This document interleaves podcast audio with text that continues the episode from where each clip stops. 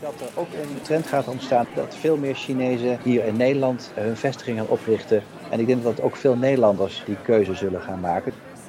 Je luistert naar het China Podcast Café voor Zakelijke Professionals, aflevering 6. In deze podcast spreekt Guanxi-voorzitter Lilian Kranenburg met Joost Franke Peters, sectiehoofd Asia Desk, en Yu Ye, Director of China Practice, beiden advocaat bij Legro Geelkerken. Het advocatenkantoor helpt Nederlandse bedrijven met hun business in China en werkt daar samen met diverse partnerkantoren om zo het meest direct en regionaal hun Nederlandse klanten te kunnen bedienen. In Nederland begeleiden ze Chinese investeerders die graag hun risico spreiden en een voet in beide landen willen hebben. Welkom Jea en Joost. Ontzettend fijn dat jullie hier vandaag aanwezig kunnen zijn bij dit podcastcafé. Begin ik even bij jou graag, Joost. Uh, je bent van huis uit ondernemingsrecht advocaat en je adviseert in overnames, in joint ventures en contracten. En jullie helpen Aziatische klanten bij het zaken doen in Nederland en omgekeerd. We zitten nog steeds in deze COVID-periode. Welke invloed heeft COVID-19 eigenlijk op jullie bedrijfsvoering en welke aanpassingen hebben jullie moeten maken tot nog toe? Dankjewel Jan. Ik vind het erg leuk dat wij uh, de kans hebben om met het podcastcafé deel te nemen. Dat is een hele mooie manier om toch iedereen te kunnen bereiken. Liever fysiek bij elkaar in een echt café met na afloop een biertje, maar die houden we dan nog wel te goed. Zeker. Nee, uiteraard hebben we natuurlijk de richtlijnen van het RIVM hè, binnen kantoor heel strikt opgevolgd. Dus in het begin uh, iedereen zoveel mogelijk thuiswerken, achter de computer, achter het scherm, zoals wij nu eigenlijk ook samen zitten. Uh, gelukkig hadden we dat al goed voor elkaar, dus dat was niet zo'n uh, probleem. Dus dat is een beetje over onze interne organisatie contact met klanten is dus eigenlijk ook alleen maar digitaal gegaan. Uh, ja, en dat is natuurlijk echt wel aanpassen. Hè. Er zijn echt momenten waarop je elkaar gewoon even in de ogen wil kijken. Een cruciaal moment in een onderhandeling. Gaat het links, gaat het rechtsom? En dat is dus best lastig. En wat je vooral merkt met Chinese klanten, die hebben daar nog veel meer behoefte aan.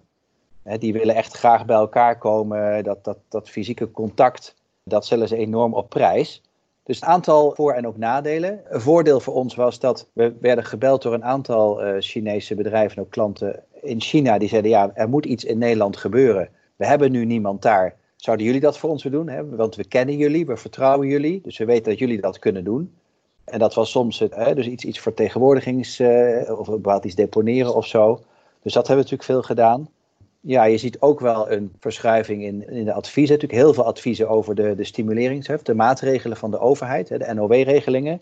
Ja, en wat ook misschien nog wel leuk was, is dat heel in het begin, ja, leuk is misschien niet helemaal een goed woord in deze context, maar toen hadden we een, een meeting via DingTalk, hè, dus de Chinese variant van Zoom of uh, Teams.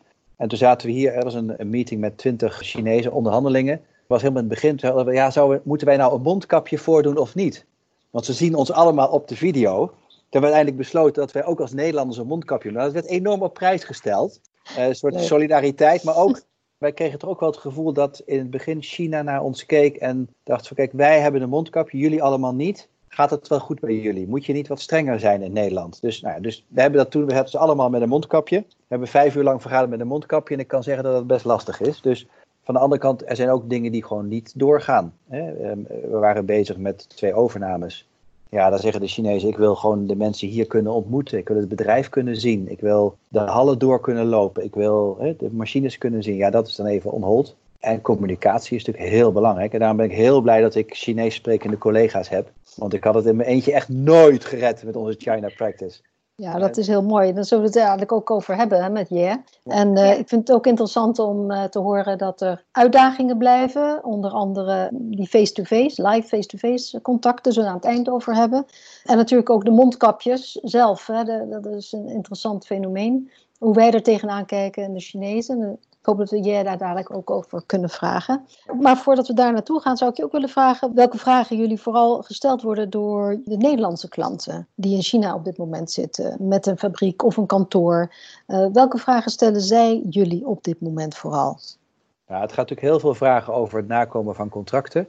De Nederlandse klanten hebben natuurlijk hun contracten met hun Chinese leveranciers, waarbij met name februari, maart uh, ja, China eigenlijk toch gewoon stil lag en de producten niet kwamen. Nou, wat kun je dan doen? Uh, als dat tot schade leidt, wie is daar dan voor verantwoordelijk? Daar kregen we heel veel vragen over. Ook veel vragen over de regelingen die de Chinese overheid in China heeft opgetuigd om bedrijven te stimuleren. Hoe vraag je ze als Chinees-Nederlands bedrijf aan? Kom je er wel voor een aanmerking of niet? Ja, ja, het zijn natuurlijk niet alleen Nederlandse bedrijven die in China hulp nodig hebben. Het zijn ook de Chinese investeerders die deze kant uitkomen. Hè? Want die begeleiden jullie ook. Ja. Wat zijn dat voor investeerders en welke vragen stellen zij?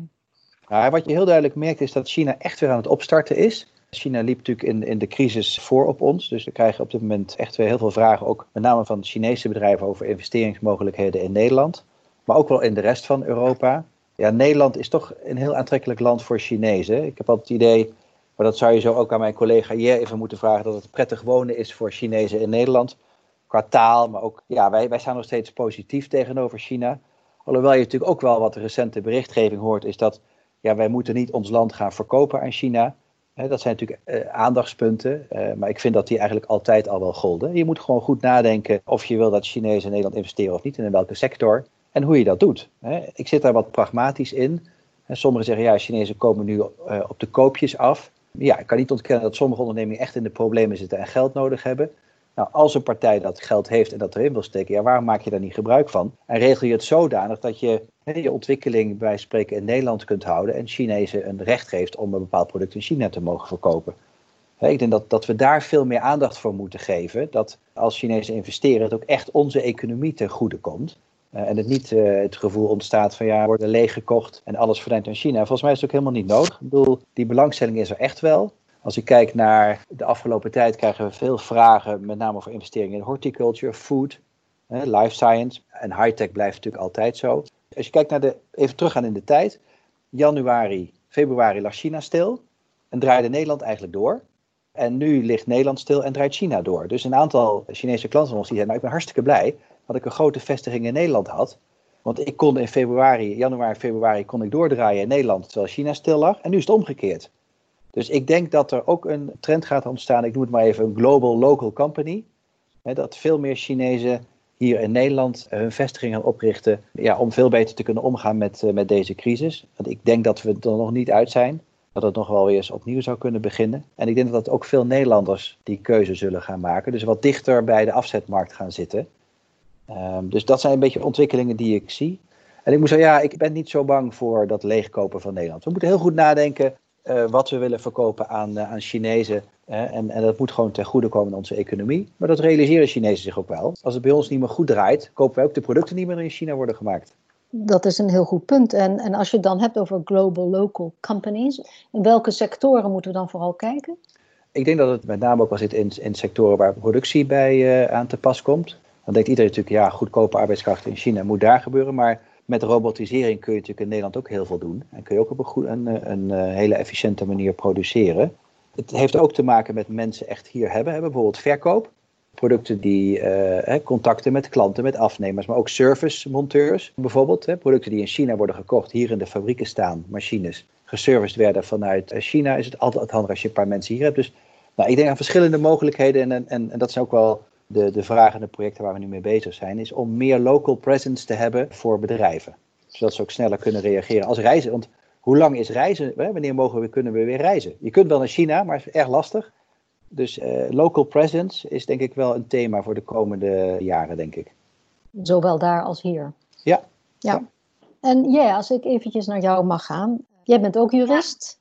En je fungeert eigenlijk als brug hè, om jullie Chinese klanten hier goed te laten landen. Je bent geboren en getogen in China en vier jaar geleden ben je naar Nederland gekomen met je echtgenoot. Ik vind zelf dat je heel erg goed Nederlands spreekt. Dank je wel. Niet zo goed, maar dank je wel. En voordat we op iets juridisch of servicegericht ingaan, zou ik het ontzettend interessant vinden om van jou te horen hoe je vindt dat men praat in China over de Nederlandse aanpak mondkapjes dragen.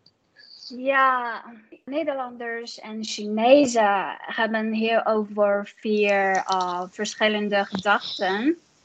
In China voelt veel mensen het dragen van mondkapjes als een collectieve verantwoordelijkheid. De meeste Chinezen beseffen dat met het dragen van mondkapjes je niet alleen maar voor jezelf beschermt, maar ook voor de andere mensen beschermt. Voor mezelf, ik denk dat mondkapjes tot op zekere hoogte zeker effectief zijn.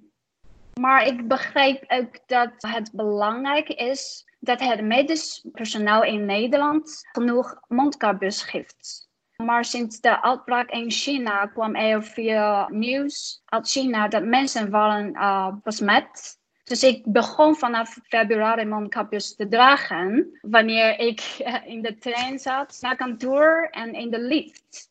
En uh, hoorde je veel uh, niet zo goed verhalen van mensen die lelijk opmerkingen kregen omdat ze een mondkapje droegen. Dus uh, ik ben echt blij dat het kabinet vorige week heeft het dragen van mondkapje en verplicht is in het openbaar vanaf juni. Naar mijn mening is het dragen van mondkapje vooral iets culturele dingen. Dus uh, Oost-Azië mensen zijn meer gewoon om de mondkapjes te dragen. De ver, uh, luchtvervuiling is echt slecht in China. Dus veel Chinezen uh, zijn gewend het mondkapje te dragen om te beschermen. En ook heel veel Japanse mensen gebruiken mondkapjes wegens allergie, vooral in het lentenseizoen. Daarnaast dragen veel celebrities uh, in het openbaar. Maar in Nederland en ook uh, de andere westenlanden, mensen beschouwen het dragen van mondkapje als ziek. Misschien wel, misschien niet. Maar ik denk dat het vooral belangrijk is dat de andere mensen kozen te respecteren en anderen niet te schaden is er een oud-Chinese gezegd, yi.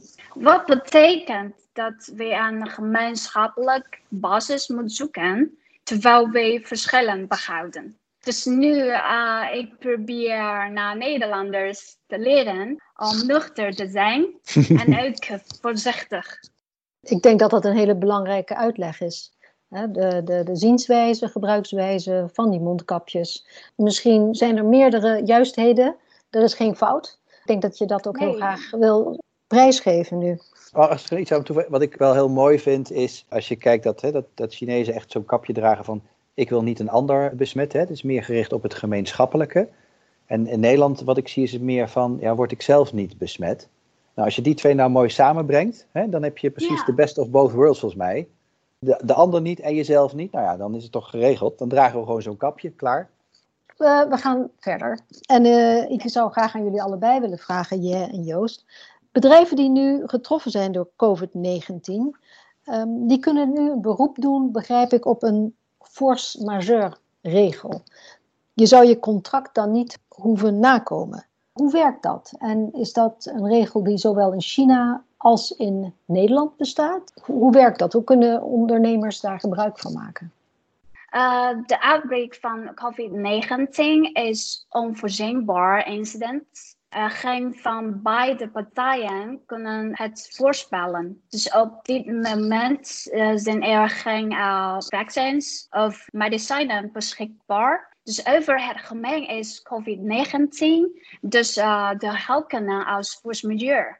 En in de praktijk uh, moet echter per geval worden vastgesteld of er sprake is van majeure. Dus er moet dan rekening worden gehouden met verschillende soorten contracten en transactions. Dus uh, de Chinese Hoograad heeft een uh, advies over uh, force majeure, waar in sommige gevallen als force majeure maar sommige lokale rechtbanken niet altijd stonden deze advies.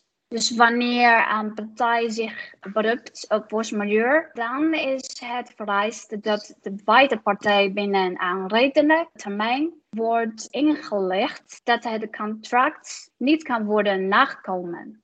Maar het belangrijkste is dat de partij kan bewijzen dat er sprake is van force dus het is echt raadzaam dat een artikel over force majeure in het contract op te zetten. Dus uh, hierdoor uh, wordt het makkelijker uh, in de toekomst te kunnen aantonen dat er sprake is van force majeure. Okay. Dus, Heb jij iets aan toe te voegen, Joost? Ja, het is leuk om te zien dat de regeling in Nederland vrijwel gelijk is als in, in China. je kunt inderdaad een beroep doen op overmacht als je, je, je prestatie niet kunt leveren of je kunt niet presteren. als je dat buiten je schuld is en het ook niet voor je risico komt in Nederland. Het kan zijn dat het voor je risico komt. Nou, ik denk dat we met algemeen wel zeggen dat de huidige crisis uh, niet voorzienbaar was. En dat het ook niet voor je risico komt. Dus dat beroep ligt wel voor de hand. Het moet natuurlijk wel zo zijn dat het feit dat je niet kunt nakomen, zoals het dan in juridische termen heet, dat je niet kunt leveren, echt wel komt door het virus. In Nederland mag je dus ook force majeure aanpassen in je overeenkomst. Je kunt dat uitbreiden, je kunt het ook beperken. Dus ja, voor een deel hetzelfde. Het is inderdaad uh, wel een groot verschil dat onze Hoge Raad niet zo proactief is, zoals in China. Dat is jammer. Um, um, maar goed, ik denk dat de meesten wel uh, tot de conclusie komen dat als je niet kunt nakomen en het komt door het virus, maar je kunt het ook aantonen dat je dan beroep kunt op overmacht. Nou, dan nog tot slot graag aan jullie beiden wil ik vragen. Uh, wat zien jullie als de grootste uitdagingen voor uh, Nederlandse en Chinese professionals die nu niet langer live face-to-face contact kunnen hebben? Kijk, ik denk de grootste uitdaging die ik zie is toch inderdaad dat contact onderhouden. Uh, FaceTime, WeChat, noem al die programma's maar op. Denk ook, het is allemaal heel erg leuk hè? en het werkt ook best wel. Maar het is toch een bepaald soort zakelijke manier van communiceren. Dat echte contact, hè, die Guanxi zakelijk praten, daarna met elkaar uit eten gaan, wat je natuurlijk eigenlijk altijd doet in China, ja, dat is er even niet bij. Alhoewel ik wel uh, laatst van een klant hoorde, die had het volgende gedaan, was erg leuk. Die had een, uh, een lokaal Chinese restaurant gebeld en gezegd, joh, kun jij om half één een lunch brengen naar mijn klant? En dan had hij aan deze kant hetzelfde gedaan. Dus ze zaten gezellig via DingTalk hier te eten, daar te eten. Nou, dat was... Geweldig. Nou ja, je ziet heel veel uh, nieuwe dingen ontstaan. Dus dat is belangrijk. Dan is het dus ontzettend belangrijk, wat ik al zei, dat, dat je de taal beheerst. Dus ik ben heel blij met mijn Chinese collega's. Ik denk dat dat nog veel belangrijker wordt. Dat wij, als we zaken doen met, met China, de taal beheersen. Met name het Chinees. Hè, want communiceren is al moeilijk. En zeker digitaal. Maar van de andere kant, Chinezen waren natuurlijk al heel erg gewend hè, via WeChat te communiceren. Deden al heel veel digitaal. Dus uh, ja, ik denk de belangrijkste uitdaging is communicatie en elkaar vinden. Want als je naar China gaat, dan ontmoet je veel mensen. Ja, hoe ontmoet je hier mensen? Dus ik zie ook al digitale fairs en exhibitions ontstaan, wat erg leuk is. Dus ja, ik denk dat er wel heel veel uitdagingen zijn om alternatieven te vinden voor het face-to-face contact. Dus ik zou zeggen tegen veel Nederlandse ondernemers, als je toch wil eten met je Chinese klant, bestel die lunch in China. Ga gezamenlijk via de computer eten. Goed advies. En jij, hè? Wat kan jij daaraan toevoegen? Ja, ik denk dat zeker dat het best is om een persoonlijke ontmoeting te hebben. Uh, dat is Chinees guanxi onderhoud. Maar iedereen weet dat dit moment is tijdelijk en dan moeten wij uh, doorstaan met zijn. Maar zoals Joost zei, er heel veel digitale hulpmiddelen als WeChat, Teams, Zoom. Dus eerlijk gezegd vind ik deze platforms ook veel positieve dingen met zich meebrengen. Dus zo bijvoorbeeld heel uh, veel reistijd. En ook is goed voor het milieu. Daarnaast brengt deze crisis mensen ook dichter bij elkaar. Dus ik hoop dat iedereen in de tussentijd goed gaat en gezond blijft. Dankjewel, Je en Joost. Efficiëntie is belangrijk. Milieu wordt gediend misschien via deze platforms. Ja, en, um, en we worden misschien door deze crisis ook wel uh, bij elkaar gebracht. Ietsje dichterbij dan we voorheen waren. Op die noot zou ik jullie heel hartelijk willen danken. Joost Franke Peters en Juje van Lagro Geelkerken. Tot snel en hoop, ja. hopelijk tot het volgende China Café. Zeker. Graag gedaan. Ja, zeker. Dankjewel. Je luisterde naar het China Podcast Café, mede mogelijk gemaakt door Joël Kolen, Joke Bruinzeel en Lilian Kranenburg, bestuursleden van kennisnetwerk Guanxi. Voice-over en montage door VoiceOver House. Om terug te luisteren ga je naar www.guanxi.nl. Guanxi spel je G-U-A-N-X-I. Aan alle bezoekers en trouwe volgers van Guanxi zeggen wij: zodra dat kan, zien we jullie graag terug op onze reguliere China-cafés. Tot die tijd doen we het even zo en wensen we iedereen een blijvende goede gezondheid toe. Proost!